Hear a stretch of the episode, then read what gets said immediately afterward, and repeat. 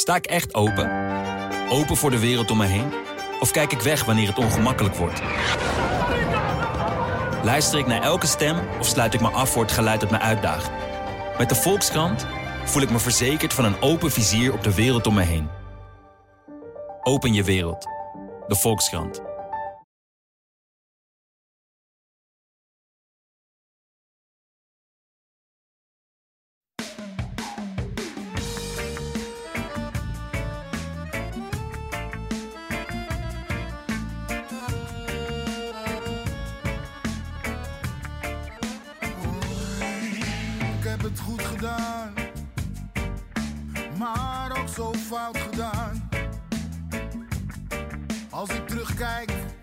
Over de titel heeft niemand het meer bij Ajax, schreef Dick Sintony vanochtend in het Parool.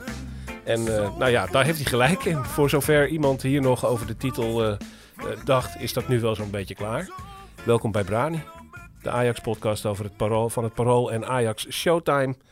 Eh, we gaan het wel over Ajax hebben, maar eigenlijk, eigenlijk niet meer over de titel, hè Thijs? Nee, dat lijkt me niet handig. Nee, klaar? Dick? We Ja, gaan... is- Ja, het is wel weer grappig. Omdat eh, PSV staat natuurlijk precies hetzelfde voor als, eh, als Ajax. Namelijk acht punten achter. Ja, Maar Van Nistelrooy zei ja... Natuurlijk zetten we die titel niet uit ons hoofd. Zolang het kan, kan het. ja. Al is het maar in theorie. It ain't over till the fat lady sings. Maar goed, dat is eh, het perspectief eh, van een eh, gelijkspel in, tegen Go Ahead.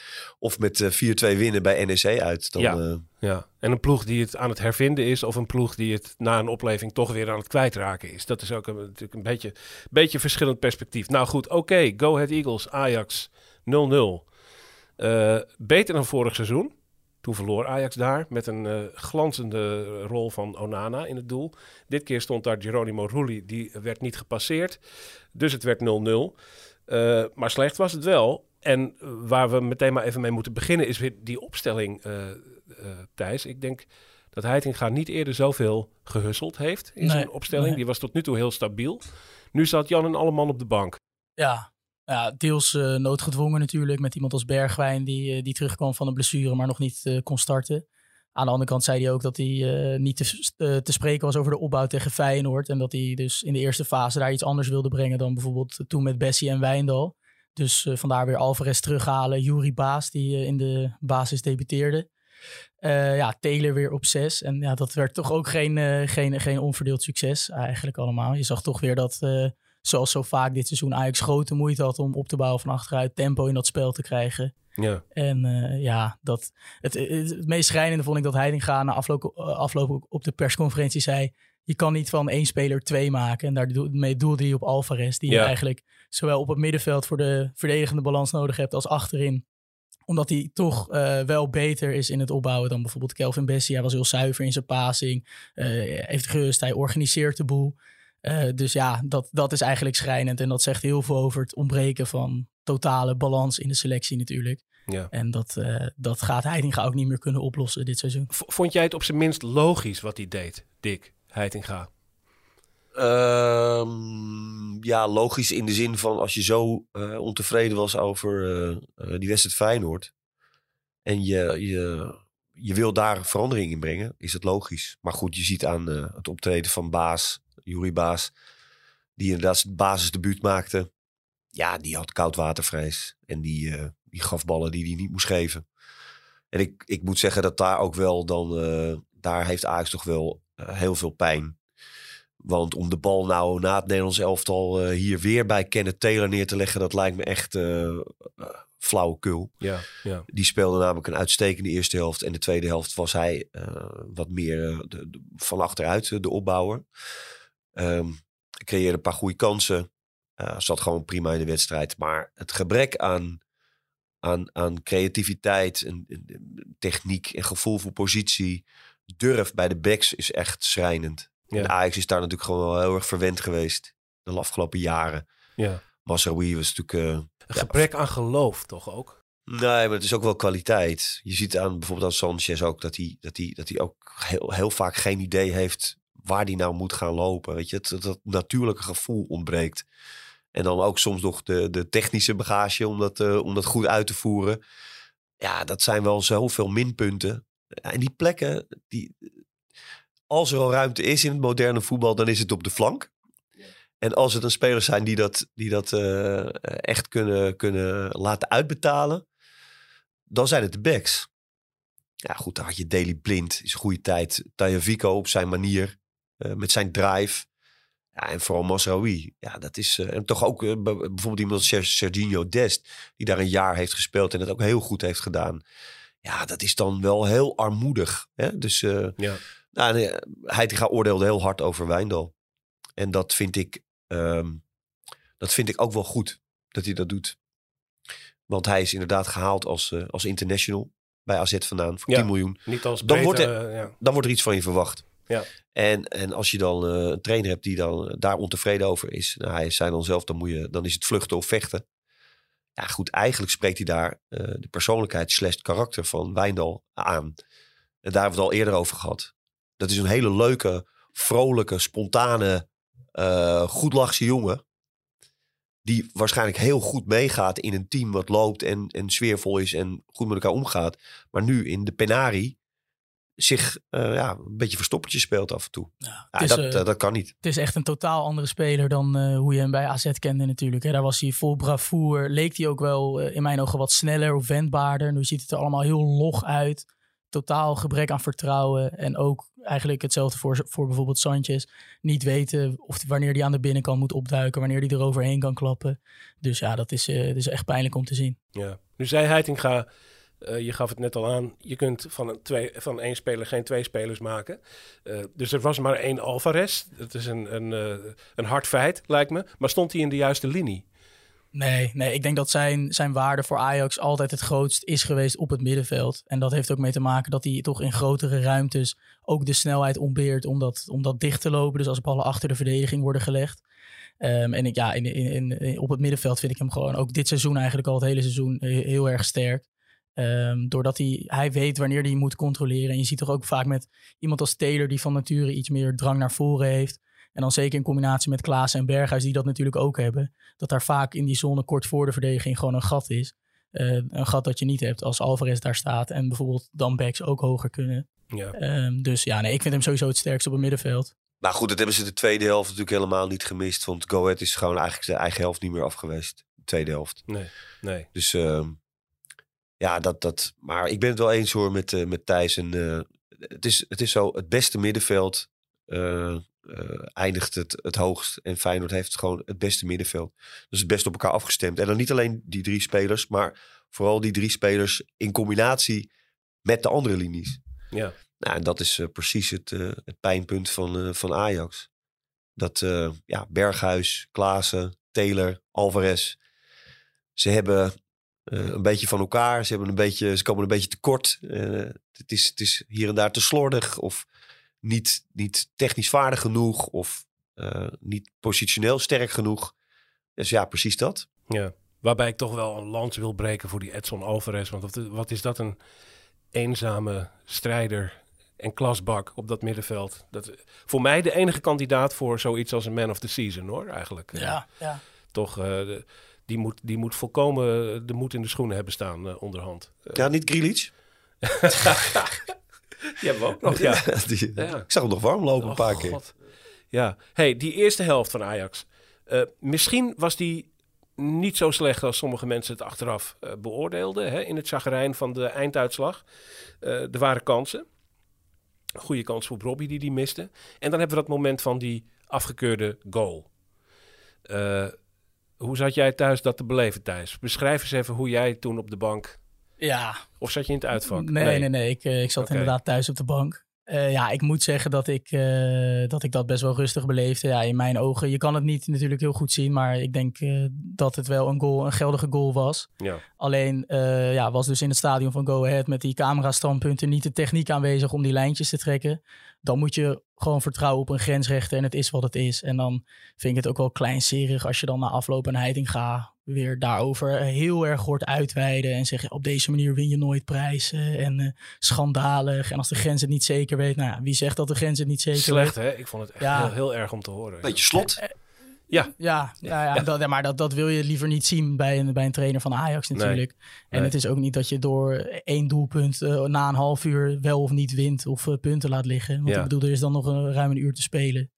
Maar moet Dus, zo, eh, moet zo, Ja, je, moet het niet, je moet het niet groter maken dan het is. Maar dit kun je ook weer niet bagatelliseren. Ik Nee. bedoel, ja, schij uit. Als je daar in, in Zeist zit achter zo'n scherm en je ziet het, dan eh, klaar. Gewoon eh, goal. kan je toch tegen die scheidsrechter zeggen... eh, hey, eh, Kom even kijken. no way. Ja. Op basis van het camerabeeld dat je hebt, eh, lijkt het me dat Kudus gewoon in goede positie staat. Ja. Dus ja. Ja, dat, ja, die stond achter de man. Ja. Dat was eh, eh, volkomen duidelijk te zien. En het moet gezegd, het zou wel geholpen hebben 0-1 bij rust. Dat had het een stuk makkelijker gemaakt. De tweede helft is er van heel Ajax wederom eigenlijk nou, niks meer gecreëerd, niks meer over. Ook eh eh, eh, dik omdat eh, Go Ahead zichzelf volledig van de taak ontsloeg om nog aan te vallen. Ja, die kwamen bijna de, de helft niet meer af. Maar ja, Ajax creëerde naar rust gewoon niet één kans. Dat is natuurlijk gewoon, ja, dat is echt bizar. Maar ook weer niet, want dat hebben ze vaker gehad. Dat ze het raffinement eh, missen om, eh, om daar dan doorheen te komen. Door zo'n eh, door zo'n muur. Ja, En dan zie je het ook steeds slordiger worden. En ja, invallers niet, niet echt brengen wat ze moeten brengen. Conceição had nog wel twee of drie aardige acties. Daar komt dan in ieder geval nog een dribbel vanaf. Haalt de achterlijn. Dat levert dan net, niet, eh, net niks op. Maar de invalbeurt van Wijndal niet goed. Invalbeurt van Bergwijn niet goed. Luca, zinloos. ja, De witte Ja. vlag noem jij dat altijd. ik, ja, ik de witte vlag op Twitter. De witte vlag van Ajax. Op het moment dat die komt, weet je eigenlijk, we, ge- we geven het op, min of meer. Eh, dat is ook iemand van wie we misschien eh, stilletjes aan al afscheid kunnen gaan nemen. Goed, 0-0. Eh, ondertussen wint Feyenoord de Rotterdamse derby bij eh, Sparta.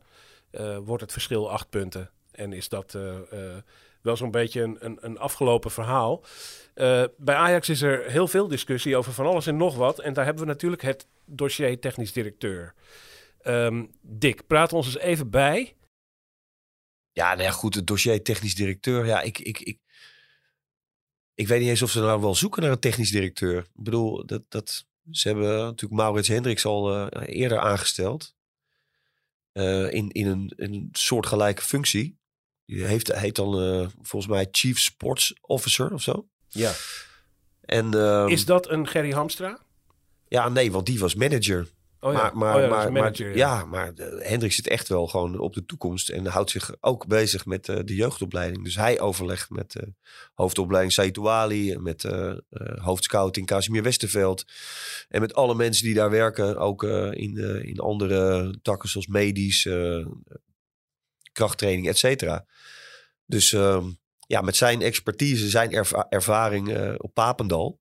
Met de Olympische atleten. Ja, daar wordt er wel gekeken naar manieren om eh, de jeugdopleiding van Ajax, het voetbal dan, ehm, ja, zeg maar extra impulsen te kunnen geven. Misschien van, ja, hoe, hoe gaan roeiers naar een eh, gouden medaille? Hoe gaan eh, handballers naar een gouden medaille? Hoe gaan, snap je? Dus Ja. ja, er wordt dan weer ga- gauw eh, om gelachen van, ja, wat moet zo iemand dan, een, een hockeyer bij het voetbal? Maar het gaat natuurlijk om de processen, Ja. de procesmatigheid van, waar kun je nog winst halen en zo. Dus dat, daar wordt hard gewerkt, veel gewerkt.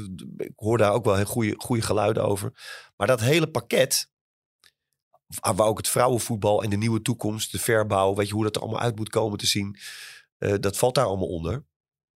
Dus ja, Julian Ward, die dan nu niet komt, of misschien de Duitser Sven Mislintat, die hebben daar helemaal geen bemoeienis mee. Dus die hoeven zich alleen te concentreren op eh, scouting slash ja, transfers, selectiebeleid Ajax 1 Ja. en jong Ajax. Spelertjes aanwijzen.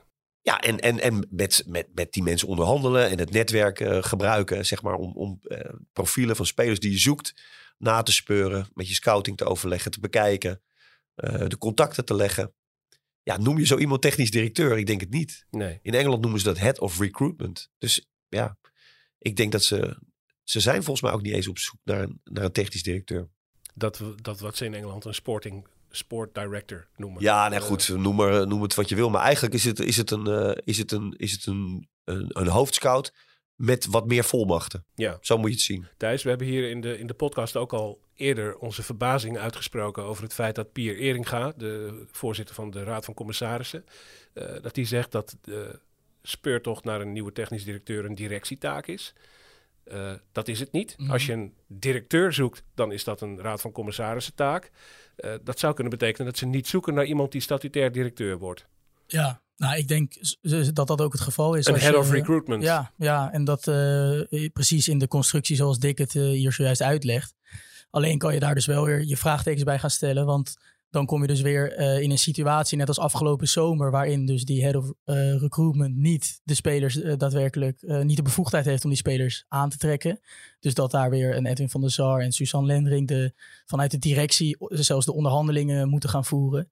Eh, en dan krijg je dus weer hele eh, ja, lange lijnen eigenlijk. Hele, hele complexe processen waar die tijdrovend zijn. En die je niet de daadkracht geven die je in een drukke transferperiode nodig hebt. En die je met, met Overmars ook had natuurlijk. Ja. Moet ik wel een klein dingetje aan toevoegen. Dat, dat Overmars natuurlijk wel eh, eh, gewoon aan tafel zat om onderhandelingen te voeren. Maar altijd overleg had met Van der Sar en Suzanne Lendrik. Maar ook met de RVC. eh, elke transfer boven de 6 miljoen eh, was het. Dat schijnt Ja. zelfs nog minder geworden te zijn. Moet ook goedkeuring krijgen van de RVC. Hij, dus het, hij handelt niet op eigen houtje. Dat Nee. is natuurlijk ook logisch. nee, dus dat, dat verandert, eh, dat maar hoe, verandert hoe niet. meer mensen daar eh, bij betrokken moeten zijn, hoe langer dat ook weer gaat duren natuurlijk.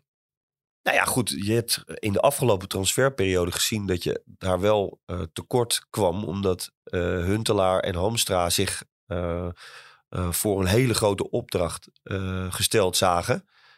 Omdat er zoveel spelers gingen, eh, moest er ook veel terugkomen. Dat ze de, de hulp van, eh, van die Malenovic eh, hebben, hebben ingeschakeld.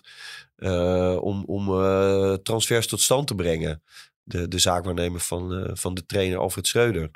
Ja, en dat geeft al aan dat je ja, handjes, hoofden, expertise, netwerk tekort komt om dat zelf te doen. Dus ze zoeken echt iemand nu ja, om, om, ja, met een netwerk. Ja. En dat zou dan Sven Mislintat moeten zijn. Maar ja, Eerst even Julian Ward. Die wordt het niet. Nee. Wat is daar precies eh, het verhaal dat jij gehoord hebt? Nou ja, dat het, dat het eh, eh, een aantal gesprekken zeer positief zijn, zijn verlopen. En dat in, in, een, in een fase terecht is gekomen waarin het ging om, om de financiën, het contract, maar ook om het moment van, van kunnen beginnen bij Ajax. Ja, en daar is het op spaak gelopen. En ik denk dat uiteindelijk Ajax ook. ehm, kijk, Eringa is net eh, eh, benoemd hè, tot president-commissaris van de RVC dat schijnt een- nog wel een man te zijn die als een olifant door de porseleinkast kan gaan. Dus hij, hij gaf het aan van ja, weet je, dit is eh, van de SAR eh, ehm, eh, voert de gesprekken over, eh, over de TD. Maar ik kan me niet aan de indruk onttrekken dat hij nu heeft gezegd, ja, dit duurt me allemaal veel te lang doorschakelen nu, want deze tijd is, is belangrijk. Eh, maanden april en mei om al die contracten en, en de profielen van de spelers en wat je nodig hebt. Ook een nieuwe trainer. Hè, als hij als Heitinga het niet wordt, als hij niet mag blijven, moet ook een nieuwe trainer komen. Ja, daar heb je ontzettend veel haast bij. Daar kun je niet wachten, kun je niet talmen. Het duurt allemaal eigenlijk al veel te lang. Ja. Dus ja, dan streep er door en, en door. Waarbij eh, ik dan kan vertellen, ik heb een aantal contacten die eh, dicht op Liverpool zitten. die club daar goed kennen.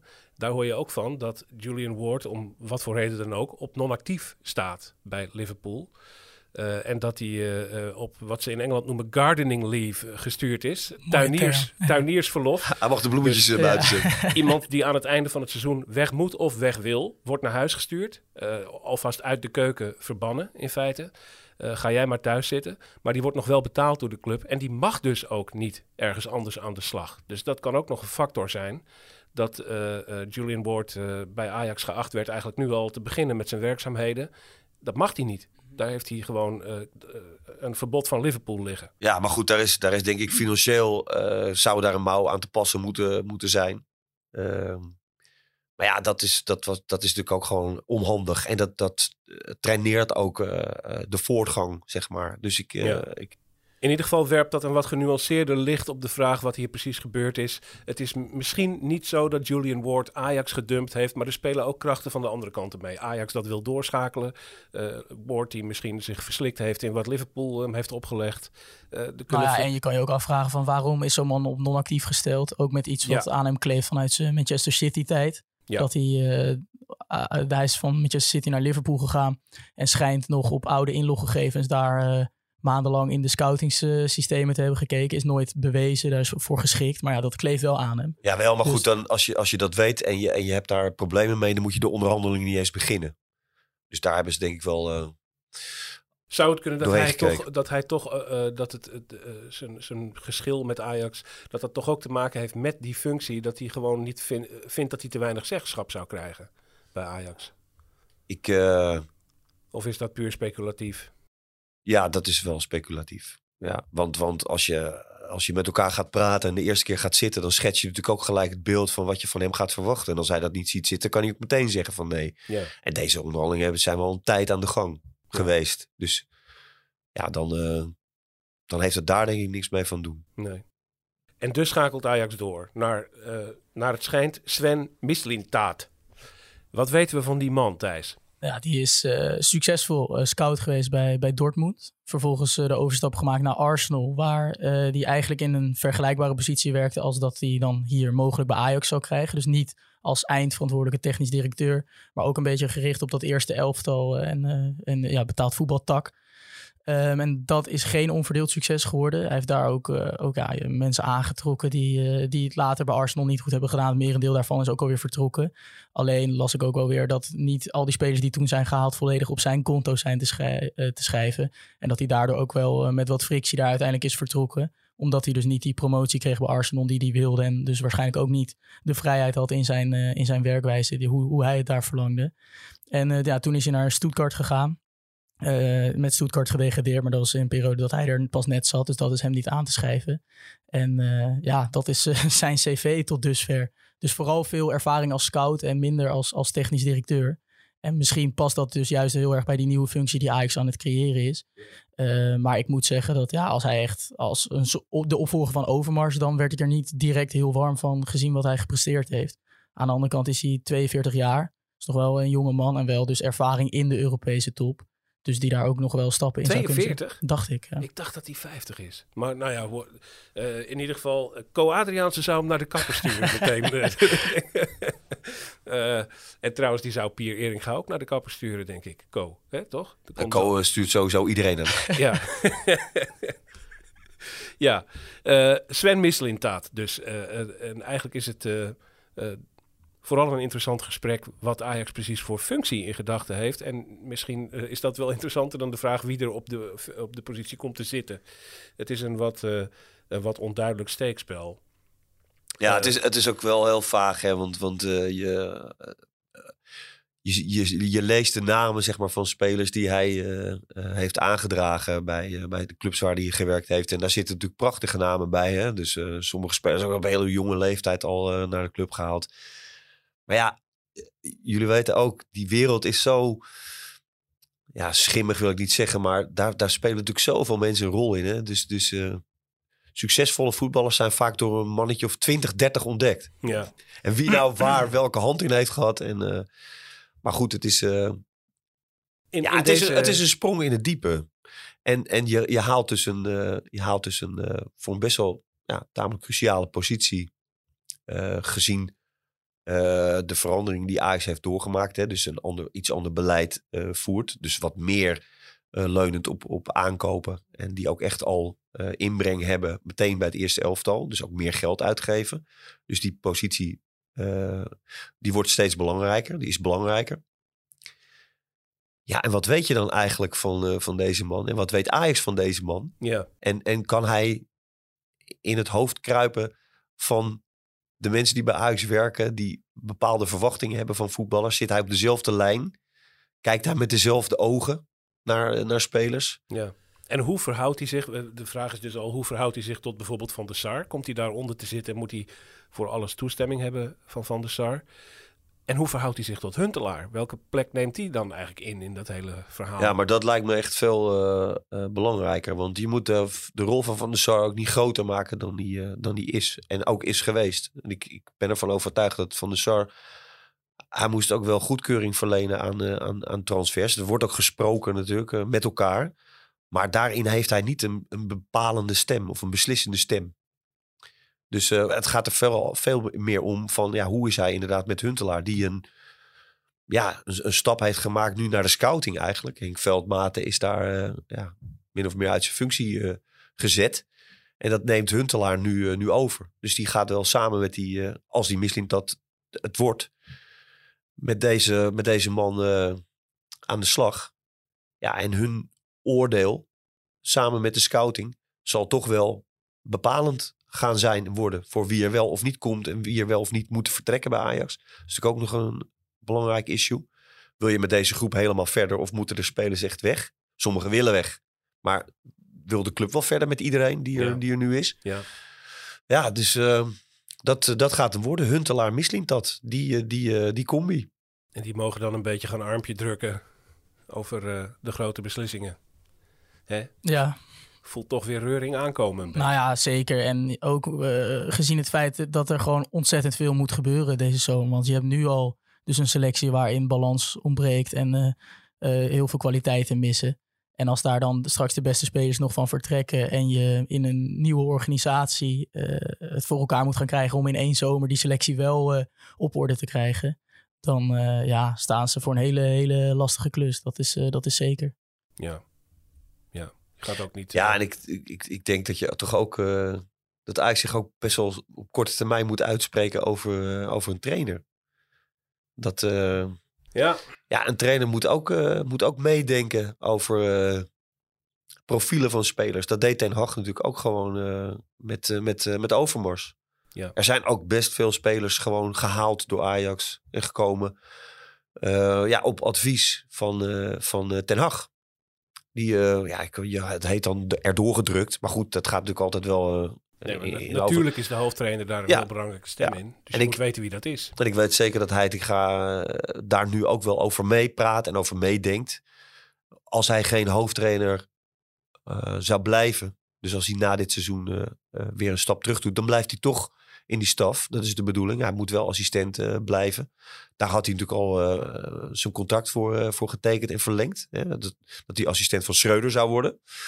Dus ik ga ervan uit dat hij in die staf blijft. En dat hij nu ook gewoon meepraat en meedenkt over... ja, hij heeft nu ook goed zicht op die, op die selectie. En hoe jongens zich gedragen en houden in die groep.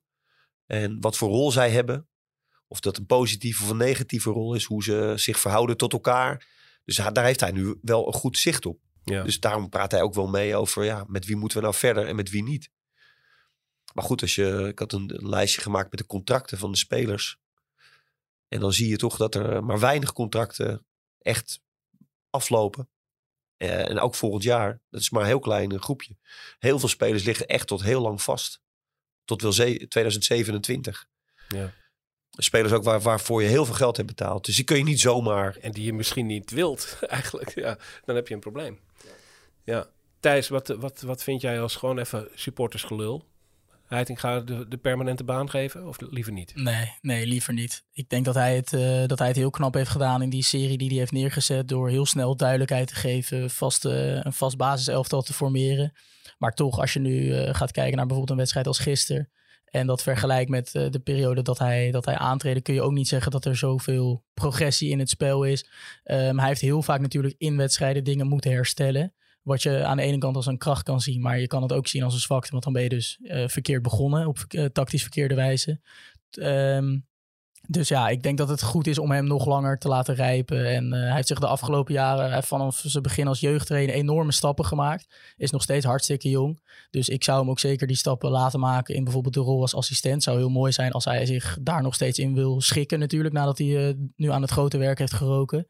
Maar ik denk zeker ook op, op, op tactisch vlak, dingen die we van hem hebben gezien, is dat niet genoeg. Het is bij Ajax nu heel veel gokken op individuele kwaliteit. En zeker Europees ga je het daar ook niet mee redden. Nee. Uh, dus ik denk dat hij niet klaar is om hem nu uh, permanent aan te stellen. Ik sta volledig aan je kant. Ik denk Ja. er exact hetzelfde Nou ja, over. goed. Je moet wel oppassen dat je hem niet eh, als, eh, als trainer-coach eh, beoordeelt. Je moet hem nu echt beoordelen als crisismanager. Ja, dat is natuurlijk Want waar. hij is wel midden in het proces Mhm. eh, eh, ingestapt. En daar heeft hij echt nul inbreng in gehad. Eh, dus hij moet het nu doen met wat er is en wat er staat. Ja. Niet op zijn manier opgetraind, niet met zijn manier van werken, niet zonder oefenwedstrijden, geen zes weken voorbereiding. Dus hij is crisismanager. Ja. En daarin heeft hij bepaalde dingen heel goed gedaan. En daarin heeft hij sommige dingen misschien nu fout gedaan, maar wel onder druk van eh, onderpresteren. En niet terug kunnen vallen op, eh, op krachten die, eh, die het wel brengen. Dus het is, moeilijk, het, is, het is nog steeds hartstikke moeilijk om hem echt te beoordelen. Ja, het, en dat probeer ik ook zoveel mogelijk los te koppelen van mijn mening over deze zaak. Even gewoon helemaal los van de vraag hoe die het doet, in feite. Probeer ik het als een beleidsbeslissing te zien. En om een trainer met dit profiel voor volgend seizoen de permanente baan te geven, zou ik een rare beleidsbeslissing vinden.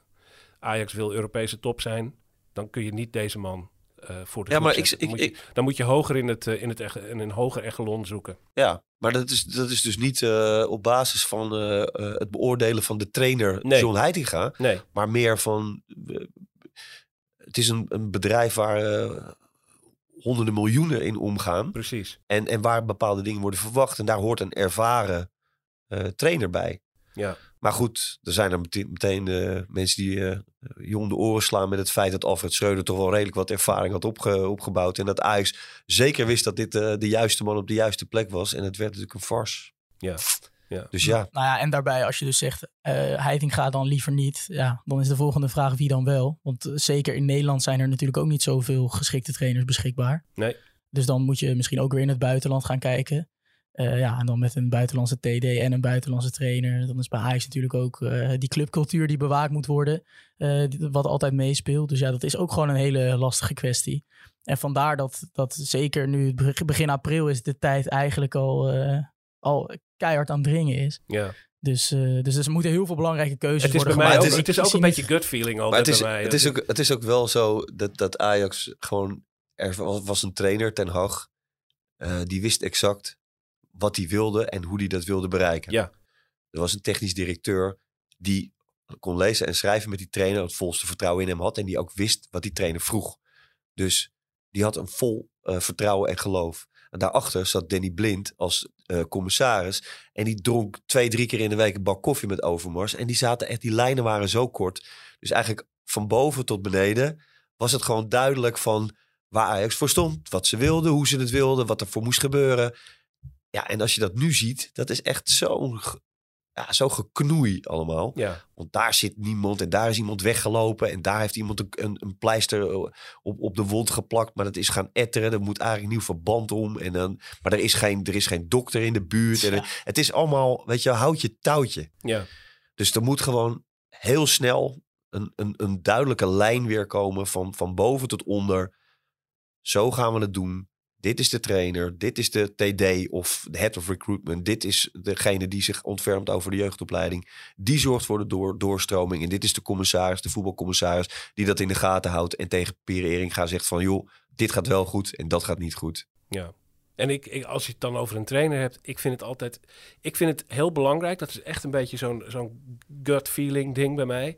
Ik wil van een trainer horen dat hij praat als zichzelf. Dat hij eloquent is, dat hij het niet heeft aangeleerd, maar dat hij een visie van zichzelf heeft en dat hij in originele taal van zichzelf praat. Dat hoor ik bij eh, Guardiola, dat hoor ik bij Klopp, dat hoor ik bij Nagelsman, dat hoor ik bij Mourinho, hoe je verder ook over zijn voetbal denkt. Dat hoor ik bij Arne Slot ook. Ik hoor het bij Peter Bos. Bij Johnny Heitinga hoor ik iemand die gewoon een aardige jongen is, heel goed opgelet op de cursus, maar zodra hij voor een camera gaat staan, speelt hij trainertje. Ik kan het toch nog steeds niet anders zien dan dat. En ik, ik, ik zie er geen grootheid staan. Dus dan denk ik, nee, nee. Ga, ga op zoek eerst naar die grootheid. Probeer hem te halen. En eh, dat is wat Ajax moet doen als je de Europese top als ambitie uitspreekt. Maar hoor ik jou nou de naam van Mourinho? eh? Ik ben heel erg gesteld op Mourinho als denker en prater. Alleen wat hij in de praktijk op het veld neerzet is natuurlijk verschrikkelijk meestal. Hè? Maar eh, wel een man waarvan je denkt, ja, dat is een grote man. Nou, zoek daarna, naar dat kaliber gewoon. Weet je, Weet je wie ik gisteren gemist heb eh, bij die wedstrijd trouwens? Tanane. Ah, ja. Ik, ik, ik, ja, je denkt wel eens van, het is natuurlijk echt een lastige eh, gast. Ik ken hem niet, hè, dus ik, dat, dat moet ik dan zeggen op basis van wat, wat ik lees en hoor over hem. En wat we allemaal zien, weet je, die af en toe een kaartje pakt en eh, soms is een paar kilootjes te zwaar terugkomt van een training. En misschien niet de makkelijkste is voor zijn omgeving. Maar jongen, ja, weet je, dat zijn toch spelers die echt het verschil kunnen maken, weet je wel. En met een paar acties en zo. Het is, ja, misschien moet Ajax dat wel gewoon durven. Nee, om zo'n speler gewoon te halen. 29 is hij. ja. Geen meerwaarde meer op. Je geeft hem een mooi salaris. En eh, ja, Als een soort Lasse Schöne-achtige aankoop.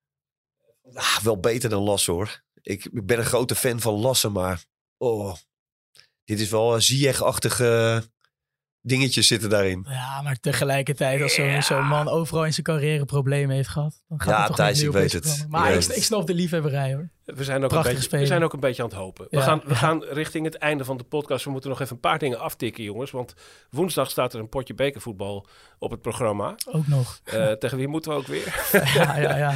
Je wilt er bijna niet aan denken. Nee, eh de pessimisme eh, onder de supporters op de sociale media is onmetelijk. Ja. Hoe zien we deze wedstrijd, Thijs? ja, toch denk ik dat het wel echt, eh, misschien een beetje cliché, maar wel weer echt een wedstrijd op zich is. Juist Dat meen je niet, omdat een het, eh, wedstrijd op zich? Ja, maar het is ook een be- eh, oh, natuurlijk een bekerpot. Hè? Kijk, in Ja. de competitie is Ajax uitgespeeld. Het gaat acht punten. Dan is het heel lastig om je daar nog voor op te laden. En als spelers lijkt me dat ook heel moeilijk. Maar nu weet je dat het, dit is het laatste dat je nog enigszins glans aan je seizoen kan geven. Ja, plus in de, in de vijandige kuip is natuurlijk ook altijd wel lekker voetballen. Eh, ja, daarin lijkt dan wel Heitinga me iemand die het belang van die wedstrijd kan overbrengen op die jongens. eh, en dat duidelijk kan maken. Plus dat Ajax bijvoorbeeld met iemand als Tadic ook eh, wel iemand... Ik kan me een quote herinneren van Klaassen. Die zei dat Tadic in dat soort wedstrijden altijd met vuur in zijn ogen in de catacombe staat. Dus ja, dat lijkt me ook wel iemand die dat over kan brengen op, op de spelersgroep. Dus ja, dat is dan toch wel weer een potje waar, waar ik lekker voor ga zitten. En wat, wat ik gewoon wel, wel heel leuk vind om te kijken.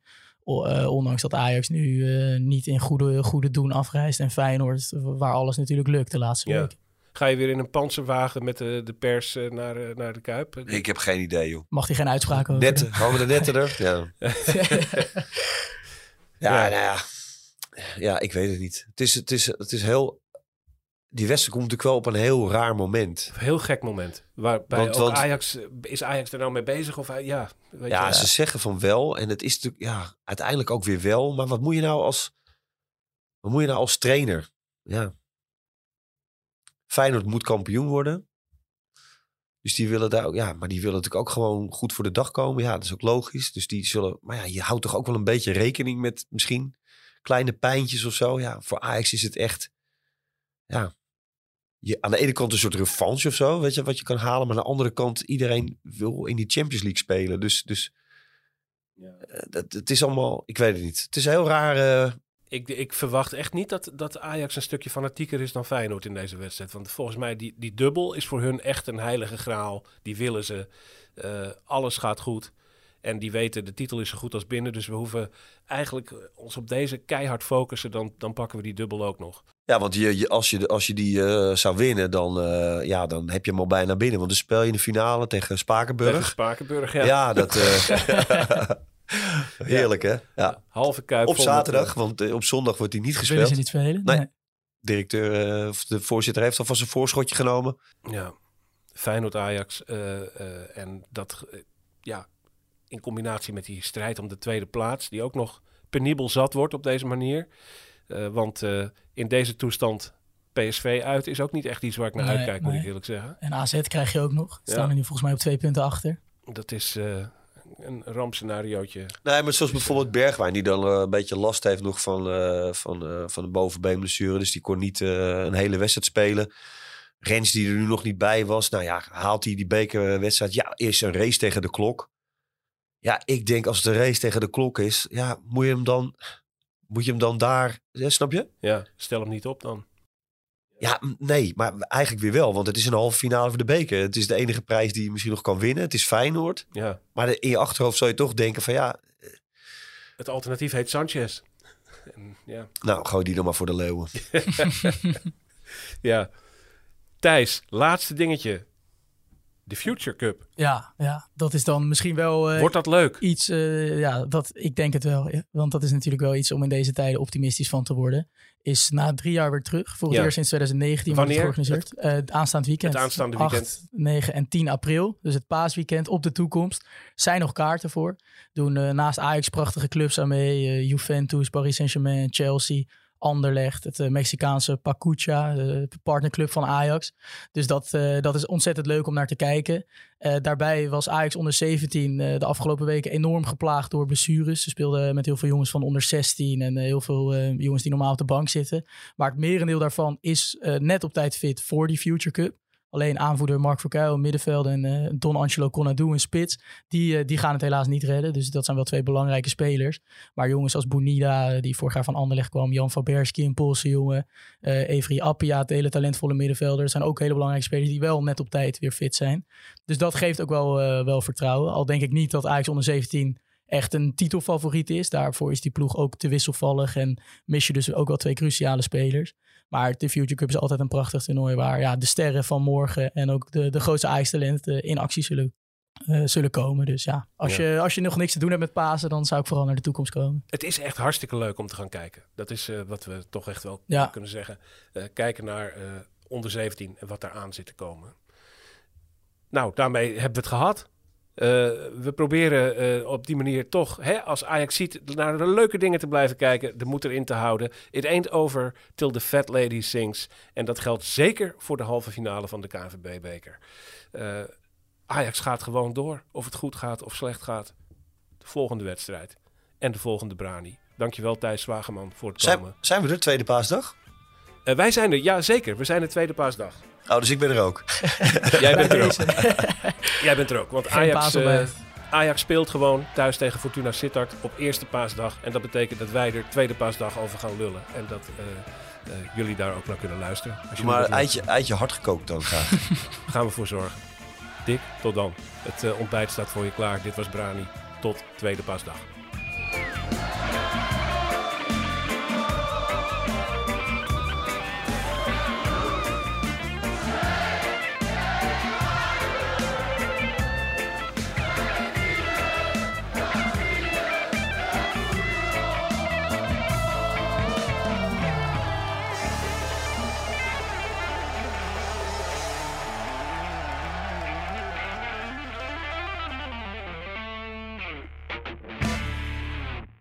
Sta ik echt open? Open voor de wereld om me heen? Of kijk ik weg wanneer het ongemakkelijk wordt? Luister ik naar elke stem of sluit ik me af voor het geluid dat me uitdaagt? Met de Volkskrant voel ik me verzekerd van een open vizier op de wereld om me heen. Open je wereld. De Volkskrant.